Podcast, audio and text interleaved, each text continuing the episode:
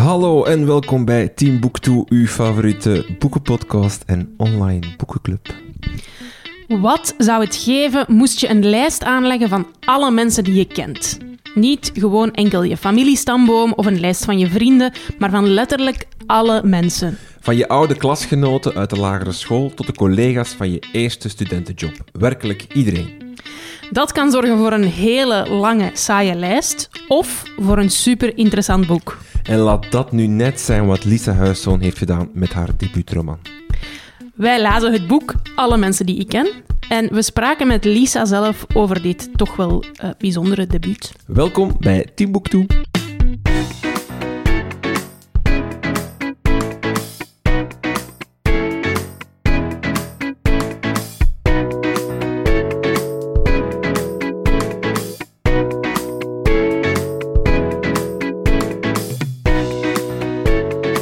Maar eerst het nieuws, zoals altijd. Het boekennieuws. Uh, met wat beginnen we? Ik heb wel een nieuwtje dat ik zelf heel tof vind. Um, het boek Julian van Fleur Pirets wordt verfilmd. Is het waar? Ja, er wordt een film van gemaakt. Het was wachten, hè? Ja. Het is in de sterren geschreven, toch? Dus het is waar, ja. Heel fijn. Maar heel goed. En um, Fleur schrijft zelf mee aan het script, samen met Maaike Neuville en met Angelo Thijssen. Angelo Thijssen is een van de scenaristen van Girl. Ah, Um, ja, en Neuville gaat het ook regisseren. Oké. Ja, Alright. dus voilà. Heel leuk boeken en filmnieuws. Eigenlijk in één klap. Ja, tof. Ehm, met wat nieuwtje ga ik beginnen. Misschien even eh, wat eh, prijzennieuws. Bette Westra heeft de boekenleeuw gewonnen. Sebastiaan van den Koning de Boekenpauw. Eh, dat is zo de Nederlandse eh, kinderboekenschrijfster. Bette Westra heeft dus de boekenleeuw gewonnen. De prijs voor de beste kinder- en jeugdboek in het Nederlandse taalgebied. Eh, ze kreeg de prijs voor het prentenboek Uit Elkaar. Het gaat over echtscheiding.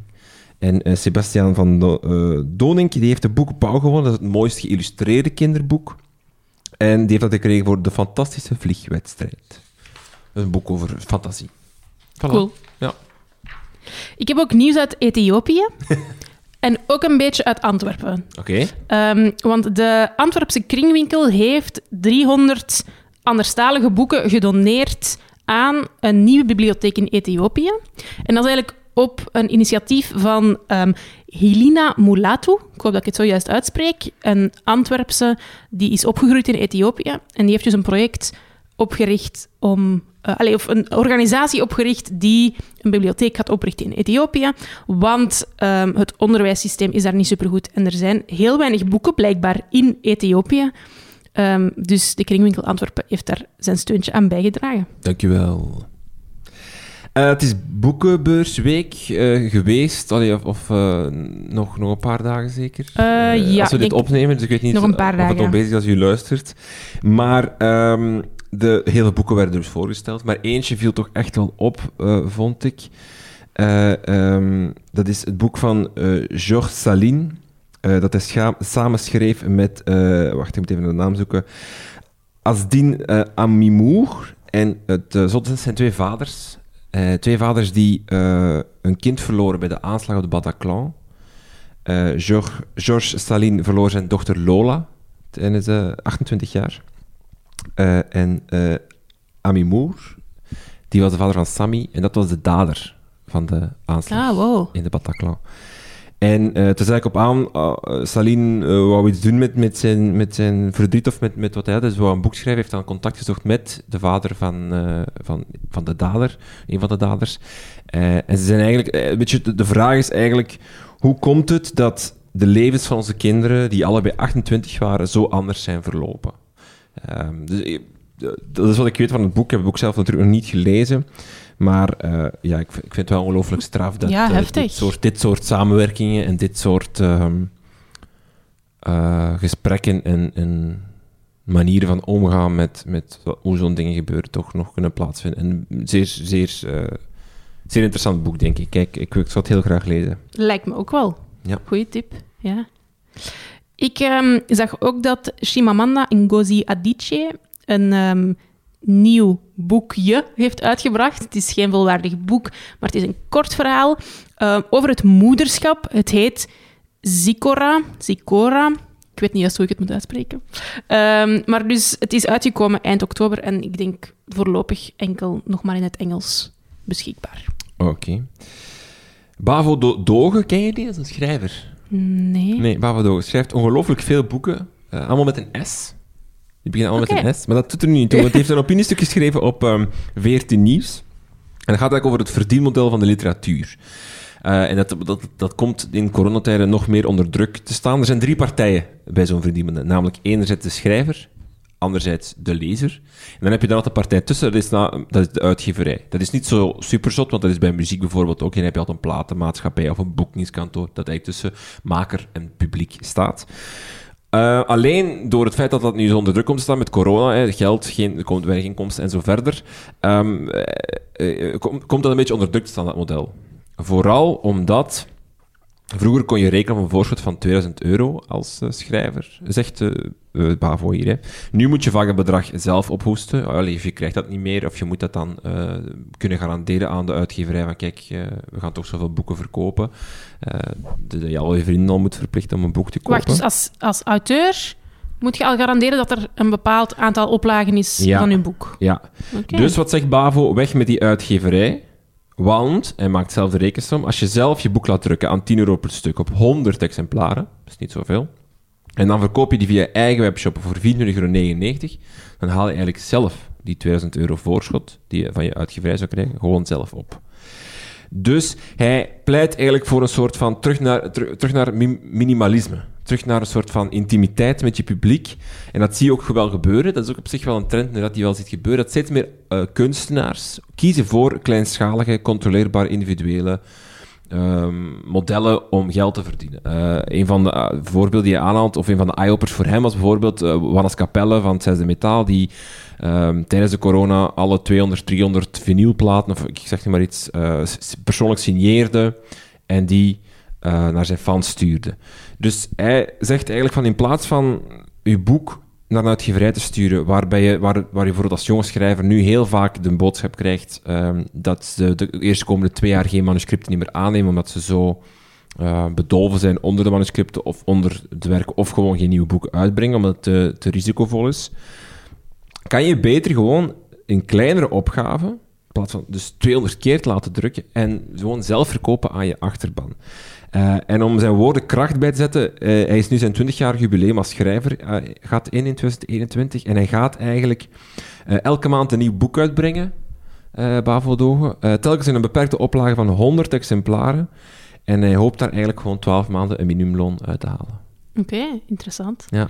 Maar wat ik me dan wel afvraag is, zijn er dan niet nog andere ehm, zaken die een uitgeverij voor u doet, die je dan ook mist, of die dat je dan ook zelf moet doen?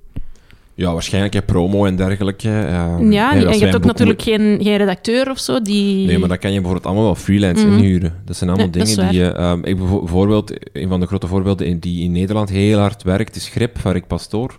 Het, het, eh, dat is ook wel typisch, dat, maar dat, dat is zo'n boek over efficiënt, efficiënt werken en zo.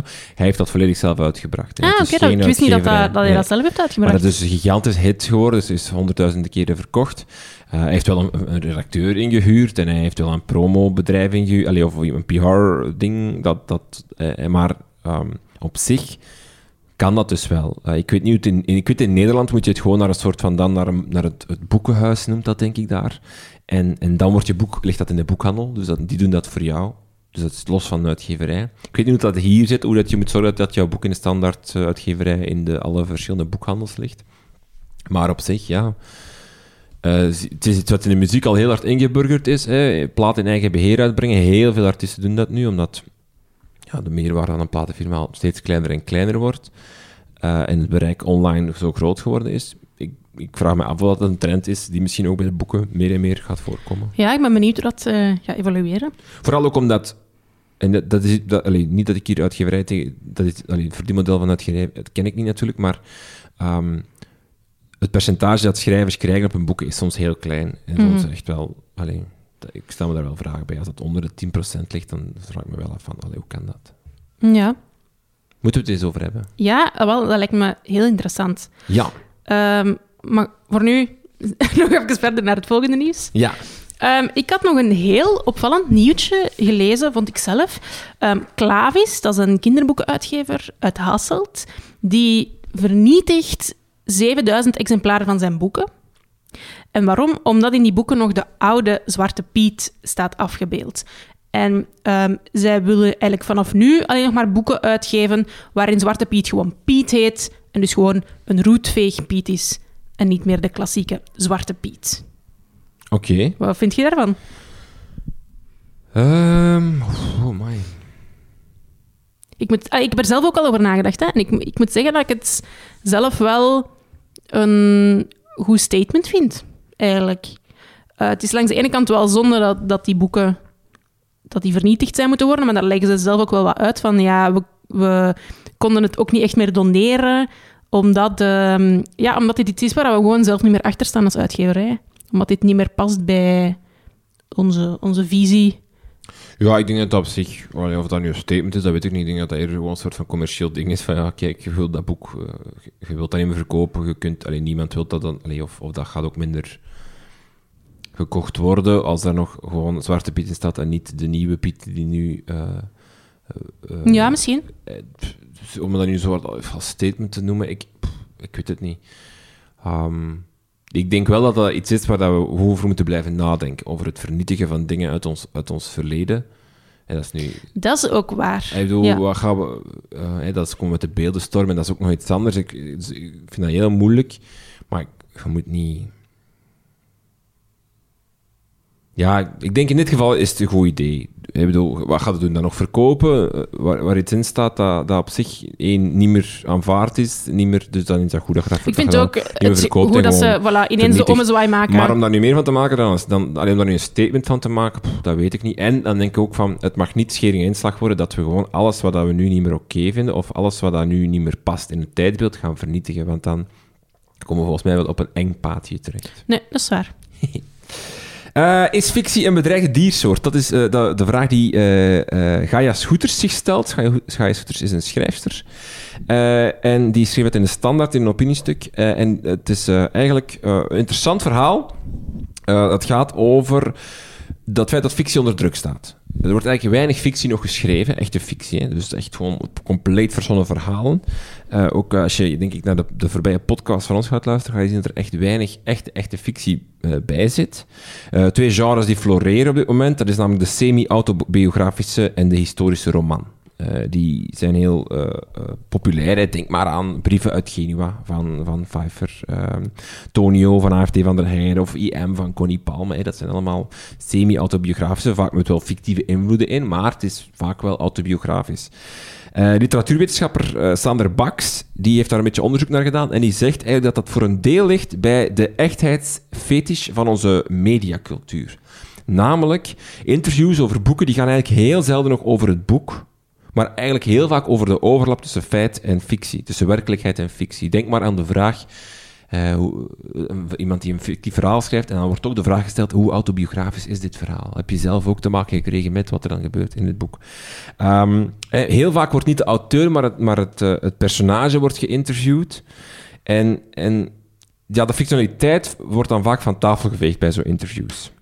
Maar het ligt ook aan de lezer, staat er verder in, het opiniestuk, die ook een soort van waarheidsobsessie heeft. En dan komen we een beetje bij het vorige gesprek, namelijk um, wie het tegenwoordig waagt om een personage te belichamen dat biologisch te ver van hem of haar afstaat, begeeft zich op glad ijs, schrijft uh, Gaia Soeters. Namelijk, mag Christine Hemmerichs nog een millennial portretteren?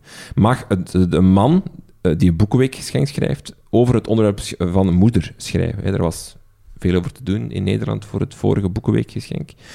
Um, en geen enkele witte auteur waagt het nog om te schrijven over een hoofdpersonage van kleur. Dat zijn dingen die, die gebeuren. En men begint eigenlijk uitspraken van personages te identificeren met schrijver. Denk maar aan de laatste rel met, met J.K. Rowling, die in haar laatste boek uh, uh, een dader met, met vrouwenkleren uh, ten berde bracht. Allee, de, de dader dat was een, een moorden in, met vrouwenkleren aan. En er werd direct uh, weer haar haat op, op, op transgenders en dergelijke werd daar direct weer bijgehaald. Um, Dus eh, het is, het is eh, een interessante catch-22 of zo, eh, die daar een beetje mee, mee getoond, of die getoond wordt. Namelijk, fictie is te wit, te heteroseksueel en te mannelijk. Maar schrijvers die het wagen om dan vanuit eh, een identiteit te schrijven die niet de hunne is, die, dat wordt vaak niet, niet aanvaard. Maar gaat het er dan ook in die zin niet wat over om zoveel mogelijk stemmen gewoon aan het woord te laten? Ja, maar dus dat kan niet in een fictief verhaal. Ja. Maar wat, Als een man, een mannelijke schrijver, een boek zou schrijven over een zwarte vrouwelijke hoofdpersonage, dat zou wrang aanvoelen. Of wrang onthaald worden. Maar ik anderzijds lijkt niet me dat dat dat ook... fout of slecht is, hè? dat zeg ik niet. Nee. Maar dat is wel een beetje zo... uh, dat is wel wat er gebeurt. En, maar om, het, om de catch-22 af te maken, doordat dat zo moeilijk geworden is, doordat het feit dat heel veel schrijvers ook bij dat semi-autobiografische blijven en daarbij blijven zitten, krijg je ook wel ehm, het feit dat dat dus niet diversifieert. Dat je een soort van een wit, heteroseks, heteroseksueel en mannelijk gezelschap blijft in eh, de boekenwereld, of in, in waarover geschreven wordt. Ehm, goed, daar kunnen we over discussiëren, maar eigenlijk gaat het eigenlijk over, over een beetje over het feit wordt of dat realisme en geloofwaardigheid met elkaar worden verward. Hè, Realisme gaat over strookt iets met de werkelijkheid. En geloofwaardigheid is iets, klopt het met de interne waarheid van de roman.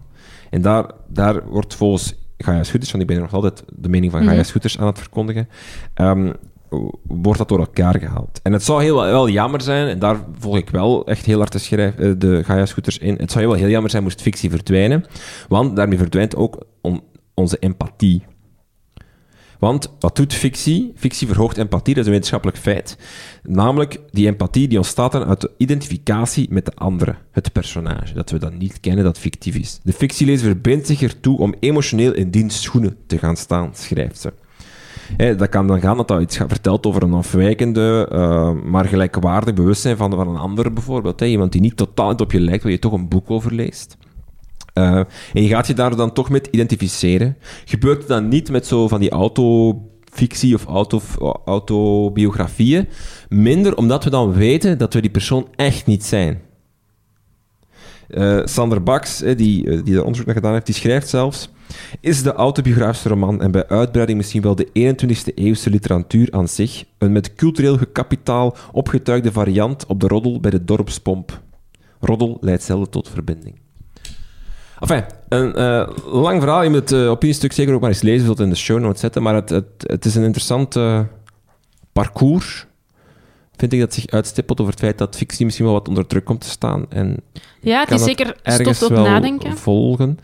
Ehm, anderzijds heb je ook wel gewoon de genres van de, van, van, van de tijd. Allee, ik bedoel, ehm, Ja, bedoel, en wat, wat, wat dat ik vooral dan denk is dat je toch als auteur gaat schrijven op basis van... Toch op een bepaalde manier op basis van dingen die je al ervaren hebt, of dingen die je weet, of dingen die je uit je omgeving kent. Ja, maar dat Ehm, is dus een gevaarlijk... Dat vind ik wel... Dat, en Alhoewel, ja, dat hoeft eigenlijk inderdaad ook helemaal niet. vind ik wel een gevaarlijk uitgangspunt. Want dan krijgen we inderdaad alleen maar semi-autobiografische Ja, biografische dingen. Dan is schrijf ik waar. ook geen fantasy niet meer, bijvoorbeeld. Nee, dat is dat nu misschien wel kort door de bocht, maar... En op zich vind ik het ook wel gevaarlijk om te zeggen... Jij mag niet over dat schrijven, want je Mhm. bent dat niet. Mhm. Ehm, het hele girl, ehm, eh, de film dan, hoofdpersonage, Mhm. eh, die dan zelf geen transgender was, grote rel in Amerika, hier voor ons veel minder. Ik vind het, een, ik vind het wel heel, heel eng worden dan, als dat allemaal niet meer mag. Ehm, anderzijds kun je ook de vraag stellen, in hoeverre kan een, een witte mannelijke eh, auteur de essentie vatten of goed om beschrijven hoe een eh, zwarte vrouw ehm, zich begeeft in, in, in- de Antwerpse maatschappij bijvoorbeeld. Hè. Hoe ver kan hij dat begrijpen? Ehm, hoe ver kan iemand schrijven over racisme als je dat zelf nog nooit hebt meegemaakt? Als je Ja, voilà, dat is, dat is een beetje dat wat is- dat ik mijzelf ook afvraag. Maar dat is, maar, dat- en dan kom je weer op, de, op, het, op, het, op het kruispunt tussen mag en gaat dat goed zijn? Je hebt Mhm, zoiets van, mhm. alles mag. Hè? Ik, bedoel, ik vind wel dat ook daar zo een beetje ook de slinger in doorslaat. We mogen niets meer schrijven. Je mag nog alles schrijven, echt waar. Je Mm. mag echt nog alles schrijven. Er is niemand die aan je deur komt kloppen met een politiebevel dat je dat niet mag schrijven. Alleen, en dat is wel logisch, denk ik, worden er wel vragen gesteld over, ja, maar als jij daar nu over schrijft, wat voor waarde heeft dat dan? Ja, dat is waar. Ja? Alright, ik, ik had eh, geen nieuws niet meer verder. Ik heb nog eh, twee dingen. Oké. Ehm, eerst en vooral een eh, nieuwe podcast. Ehm, en die wordt gehost door Marieke de Marais, en, eh, Ah, van van Bult. Die hebben we ook al in een paar afleveringen geleden ehm, besproken. En zij host de podcast Erfgoedmysteries. En het zijn niet zomaar erfgoedmysteries, maar het zijn erfgoedmysteries uit Zuidwest-Vlaanderen. Ehm, en ze gaat elke aflevering op zoek naar iets wat dat te maken heeft met rond erfgoed ja, in eh, die regio. De eerste aflevering gaat bijvoorbeeld over een bedreigde perensoort. Voilà. Dus eh, het is zeker tof om eens naar te luisteren. Ik vond het ook heel mooi gemonteerd, met eh, heel fijne muziek ertussendoor. Dus het is zeker de moeite om er eens naar te luisteren. En dan als laatste, een beetje historisch boekennieuws. Ehm, de Witte van Zichem eh, is 100 jaar geleden uitgekomen. Dus in 1920. Ehm, en ondertussen, dit jaar, ehm, verschijnt daarom de 128ste en de 129ste druk. Eentje in Vlaanderen en eentje in Nederland. Ehm, en opmerkelijk was ook blijkbaar dat het boek oorspronkelijk helemaal niet zo warm werd onthaald in Vlaanderen, omdat de witte ging zo met in zijn blootje. Ai. Dus het was een zedeloos boek. Eh, maar dat is dus toch helemaal goed gekomen, want ondertussen zijn er al ja, dus meer dan 100, eh, hoe zeg je, dat? 100, 100 verschillende drukoplages gekomen. Ehm, hopelijk was dat een woord en anders eh, heb ik er eentje uitgevonden. Ehm, maar voilà, dus hoera voor de Witte van Zichem. Oké. Alle mensen die ik ken, hoeveel ken jij er? Goeie vraag. Ja, ik, zou, ik zou het wel een leuke oefening vinden om eens te doen. Dat is waar. Ik weet hoeveel dat Lisa Huishoonder kent. Ik ook. Maar wie is Lisa Huisson? Ehm, Lisa Huiszoon, ze studeerde creative writing aan Artes. Artes, ik weet eigenlijk niet hoe ik het uitspreek, maar het is een Ik vind wel goed. Artes. Het is een conservatorium in Nederland. En alle mensen die ik ken was ehm, eerst en vooral haar eindwerk van die opleiding. En ze won daar ook een prijs mee, de Nieuwe Types Afstudeerprijs. Die wordt elk jaar uitgereikt voor het beste literaire eindwerk voor een schrijfopleiding in Nederland of in Vlaanderen. Ehm, en NRC noemde haar onlangs de meest originele debutante van 2020. Alright, dus dat is een stevig debuut. Eh, een stevige binnenkomst. Eh, wat, heeft, wat heeft ze gedaan eigenlijk? Want ik moet hier nu de, de achterflap vertellen, allee, dus waar het boek over gaat. Maar eigenlijk ga ik dat... ik kan in kort en kracht doen. Het boek heet Alle mensen die ik ken. En eh, dat is het gewoon. Dit is het boek, is een oplijsting, letterlijk. Een soort van telefoonboekachtig idee. Ja. Waarin alle mensen staan die Lisa kent. Alfabetisch, we beginnen bij Aafje en we eindigen bij, ja, bij, bij een naamloze. Dus, dus, er zijn ook een aantal mensen die ze geen naam, die zijn naam niet meer weet, die staan er ook in. Maar ze eindigt bij Sultan. Ehm, en ze heeft dus gewoon alle mensen opgelijst. En bij sommigen schrijft ze er iets bij.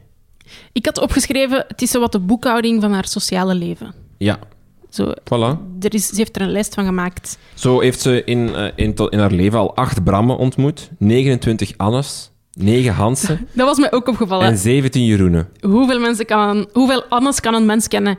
Heel veel. In totaal 29. 2131 ontmoetingen die in dit boek staan. En die staan dus allemaal eh, opgelijst op eh, 228 bladzijden. En ja, dus... ehm voilà, dat is het boek. Dus bijvoorbeeld...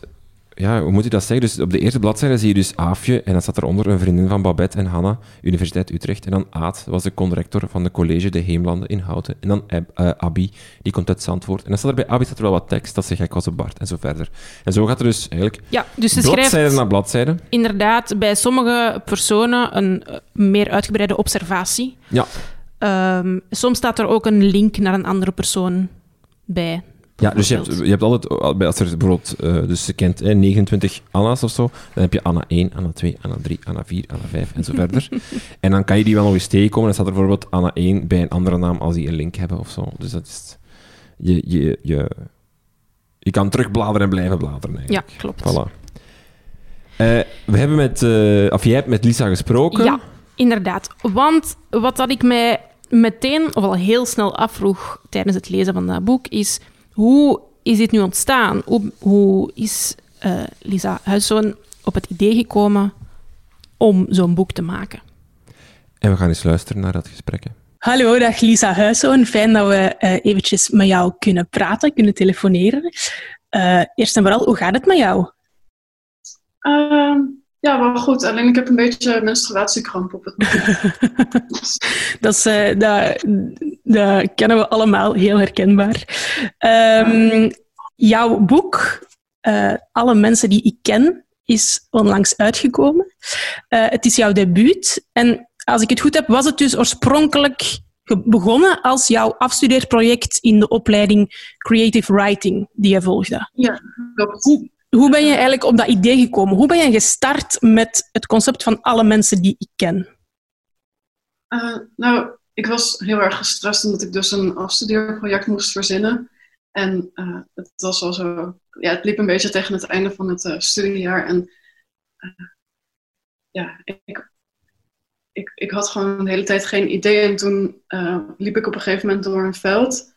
En ik was gewoon zo, zo aan het huilen. En toen vroeg mijn vriendin aan mij van... Maar wat, wat wil je gewoon zelf maken? Gewoon los van alle verwachtingen die je denkt dat, er zijn. En toen vertelde ik dat ik al een paar jaar eerder het idee had om... Uh, een hoofdpersonage neer te zetten door de mensen daaromheen te beschrijven. En mijn volgende stap was om eerst voor mezelf zo'n lijst te maken. En dat is uiteindelijk mijn afstudeerproject geworden. En dat is ook veel, ehm, ja, echt nog veel meer een overzicht en een minder leesbare tekst dan hoe het nu is geworden. Ja, want ik vond het, het basisidee eigenlijk super interessant. Het is echt zo'n soort idee waarvan je denkt, het is langs de ene kant super een soort van eenvoudig is misschien niet het juiste woord, maar wel het is een heel zuiver idee of zo. Maar je moet er toch ook maar opkomen om het, om het te gaan doen. Ja, en het dan ook serieus nemen. Ik denk dat dat het mhm. ook uh, dat dat er heel erg mee te maken heeft dat het wel kan werken. Omdat het is, ja, het is heel simpel, uh, maar het kost wel heel veel tijd. En door er zoveel tijd aan te besteden, kom, je ook steeds, kom ik ook steeds weer op nieuwe ideeën. Ja, want hoe begin je daar dan effectief aan? Uh, je, je hebt dan zo het idee van, ik ga op zoek gaan naar alle mensen die ik ken, maar ik kan me ook inmelden dat je die niet zomaar op één dag op papier hebt gezet, dat daar wel heel wat denkwerk aan vooraf gaat. Ja, volgens mij ben ik die dag dat ik het dan verzonnen had om te doen, ben ik gewoon begonnen met alle mensen die ik die dag had gezien. En dan weer de mensen die, uh, waar ik daardoor aan dacht. En uh, op een gegeven moment heb ik echt een timeline gemaakt van mijn leven en weer aan allerlei plekken waar ik ooit ben geweest, mensen gekoppeld. Dus ja, ja het, op een gegeven moment had ik ook uh, gewoon een notitieboekje naast mijn bed en altijd mee, omdat er altijd wel weer iemand naar boven kwam. En dan heb je die eigenlijk geïnventariseerd in een gigantische Excel-lijst, als ik het goed begrijp. Ja, klopt. Ja. Ja. Het was eerst een Excel-bestand. Oké. En was dat dan um, de versie die je voor je um, afstudeerproject hebt ingediend? Uh, nou, ik heb het toevallig hier naast me liggen. Maar het, ik had toen um, ja, het had, toen dus uh, verschillende kolommen. Dan de eerste was gewoon de, de naam van de persoon, dan de relatie en dan de status van de relatie. Dan de, en dan nog een soort van ja, in welk verband ik mensen kende en bij welke plaats. En soms ook nog of ze dan bijvoorbeeld een vriendin of een buurvrouw van iemand waren. En dan had ik, mijn laatste kolom was dan nog die verhalen. En daar had ik heel weinig in staan. Terwijl uiteindelijk alle mensen die ik ken, uh, die jij gelezen hebt, is, dat, is het boek geworden. Vooral met de verhalen en veel minder met de lijst en het overzicht. Ja, want dat, dat vond ik zelf ook wel het interessante door het te lezen. Um, die verschillende observaties bij die verschillende mensen.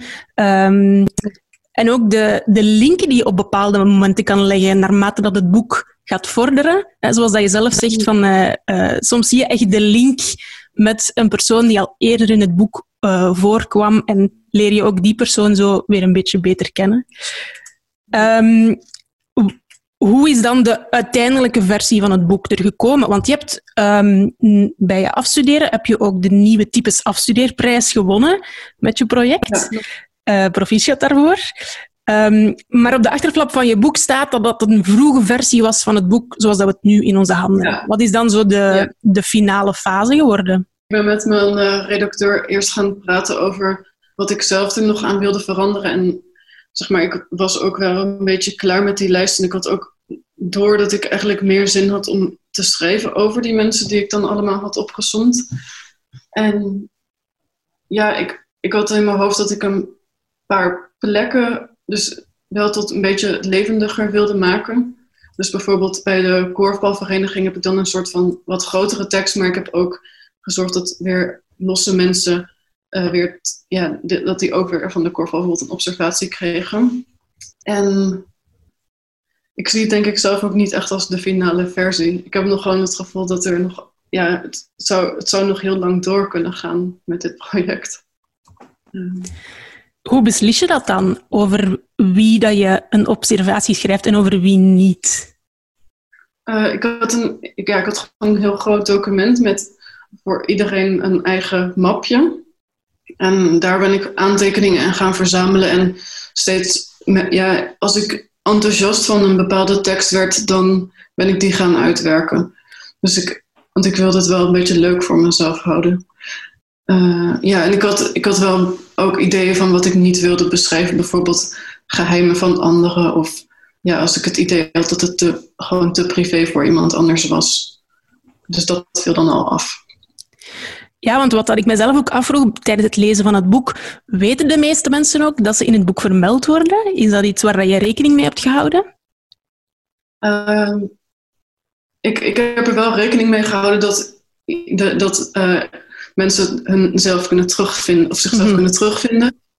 Uh, ja, ik denk, dat, ik denk dat veel mensen het wel weten. En nu begin ik ook langzaam zo reacties te krijgen van mensen die ik echt al heel lang niet meer heb gezien. Bijvoorbeeld van echt toen ik een heel klein kind was en die zichzelf dan nu terugvinden in het boek. Heb je zelf een, een favoriete observatie? Heb je zelf een stukje bij een persoon dat je heel, zelf heel fijn vindt? Ja, ik vind best wel veel dingen heel leuk. Mm -hmm. bijvoorbeeld uh, de tekst van Bridget, Gerda, um, Ruben, Marta, Lieke. Ja, ik, en ook heel veel, dat zijn dan wat langere stukjes en ik vind ook heel veel ja, observaties zelf heel fijn. Uh, ja, ik, bijna alles, een groot deel van wat ik gekozen heb, daar sta ik wel echt achter. Ja, snap ik. Dus eigenlijk de dingen die, die in het boek zitten, zijn ook de observaties waar jij zelf het, het beste gevoel bij had, of, dat die, of die jij zelf ook het, het liefste had. Ja. Ja, en bijvoorbeeld soms had ik meer dat het, dat het te algemeen was, of dat het over, over heel veel mensen tegelijkertijd zou kunnen gaan. En dat heb ik dan uiteindelijk meestal toch maar weggestreept, omdat het dan niet echt uh, ja, heel interessant leek. Mm -hmm. Um, Lisa Huiszoon, heel erg bedankt voor uh, dit gesprekje, om wat meer inzicht te krijgen in jouw boek. Alle mensen die ik ken, een leven verzameld. Uh, het ligt in de boekenwinkel, dus ik zou zeggen, het is zeker de moeite. Wat vond jij van het boek? Eerste indruk, toen je het uit had. Uh, je legde het neer. het was sowieso een heel... Boeken toe. Mag ik? Ja. Uh, het was sowieso een heel atypisch boek. Um, het is geen roman. Dus het is... Um, ik vond het zo meer... Um, um, een kunstproject of zo. Eigenlijk ook opgeschreven. Ja, het, Echt, letterlijk staat hier. Het kwam op, op mij zo meer over als, een, als iets... Als een, meer een soort van een kunstwerk dan een echte literaire ja. roman. En dat, ik vond dat goed, hè. Um, om duidelijk te zijn, is, dat is zeker niet iets wat, dat ik, wat dat ik er niet fijn aan vond. Ik vond dat net heel, heel fijn en heel interessant. Um, en wat dat ik ook he, sowieso heel goed vond aan het boek, is haar mate van observeren. De manier waarop dat zij kleinere en grotere herinneringen en observaties van andere mensen kan neerschrijven, waardoor dat, dat personage... Allee, ja, het is, niet echt een, het is natuurlijk een echt persoon, waardoor dat die persoon toch een stukje zo wat tot leven komt. Ja. Ik vond ook de humor die er dan zo af en toe in zit, ja, door die observaties. Het is ook, ook een grappig boek. Uh, vond het ook wel inderdaad daarom ook wel heel intiem en open. Hè? Dus hij schrijft ook veel dingen over haar zussen of over haar... Um, allee, over mensen, ja, ik vond dat op zich wel... Je weet dat die echt bestaan, dat dat echt, echt mensen zijn die ze kent, vond ik dat wel ook heel intiem of open met dat met te delen met iedereen. Ik heb dat ook een stukje opgeschreven. Ik heb opgeschreven, het is echt een onbevreesd voor mij, of zo. Mm -hmm. Omdat ze inderdaad dingen gaan noteren over mensen die zij kent en die dat boek waarschijnlijk ook gaan lezen. Bijvoorbeeld ehm, bij Jette 1 had ik zelf zo wat een gevoel van amai, dit is voor mij al zo wel wat een, een grens. Ze, het is haar stiefzusje en ze schrijft daar één zin ik ben haar grotendeels vergeten. Ja, jawel, dat bedoel ik dus met die zussen. Van, Ja. Dat het wel intiem en, en Ja. heftig is, zo soms. Ehm, en allee, langs de ene kant lijkt dat iets heftig of zo om te zeggen, maar ja, langs de andere kant, als dat ook gewoon zo is. En ik bedoel, ja, sommige mensen waarmee we in contact komen en die we dan heel lang niet meer zien, ja, daar kunnen we ons ook niet veel meer over in, eh, in het... Allee, hoe zeg je dat? Ehm, kunnen we daar niet veel meer over oproepen of kunnen we ons niet veel meer herinneren? Ehm, dus ik vond dat wel zo... Dat soort passages ook wel ja, zo heel eerlijk en... Ze hebben het toch maar neergeschreven. Ik vind dat het een soort van ehm, franchise moet worden. Ik vind dus dat, dat nog schrijvers het moeten doen. Elk op, op een manier natuurlijk, maar zo... Volgens mij gaat dat tof zijn. Ja. Dan is dat zo'n franchise. Cool idee. Wat dat ik ook tof vond tijdens het lezen van het boek, was dat dus sommige observaties en verhalen ook zo wat door elkaar lopen. Bijvoorbeeld Doreen, de moeder, was ooit samen met Ben, de ex-stiefvader. En dan lees je in de passage over Ben 1 ehm, iets van als een hond krijgen. En dan later in de passage over Jeroen 9 lees je dan dat Doreen de hond aan hem geeft. Dan waarschijnlijk... Ja, dan, dan, dan, ga je, ging dat zelf al wat invullen. Hè, van ja, die relatie zal gedaan zijn. Ehm, ben is weg. Doreen denkt, wat, wat ga ik nu met die hond doen? Bij wijze van spreken. Ja, of zo die goed hond... heb ik dat dus niet meegekregen allemaal. En dat vind ik misschien wel een minpuntje van het, van het boek of zo. Van, ik vond het heel moeilijk om, het- om de bigger picture te blijven zien. Om zo Ja. te weten. En het, wordt, het werd wel toffer toen ik door had, oké, ik moet dat hier actief gaan gebruiken. Ik moet niet gewoon passief lezen, maar ik moet zien als ik zie staan, eh, ben vriend van Doreen 1, dat ik terug ga kijken, ah ja, Doreen 1 is de mama. Allee, Ja, zo, ah, dat heb je? ik dus ook wel gedaan bij het constant lezen. wel terugbladeren om, zo wat door te hebben. Ehm, en toen ik dat door had van, oké, werd het wel leuker ook. Hè, werd het ook wel... Ja, dan wordt het wel leuk. Ah, dan beginnen ze inderdaad wel wat linken te leggen. Ja.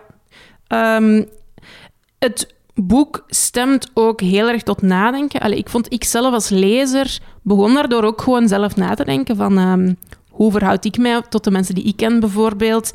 Vanaf wanneer kent je iemand? Wie, stel dat ik nu zelf zo'n lijst maak, wie zou daar dan allemaal in komen te staan? Is dat dan iedereen die ik me herinner gewoon? Of hoe zou dat eruit zien?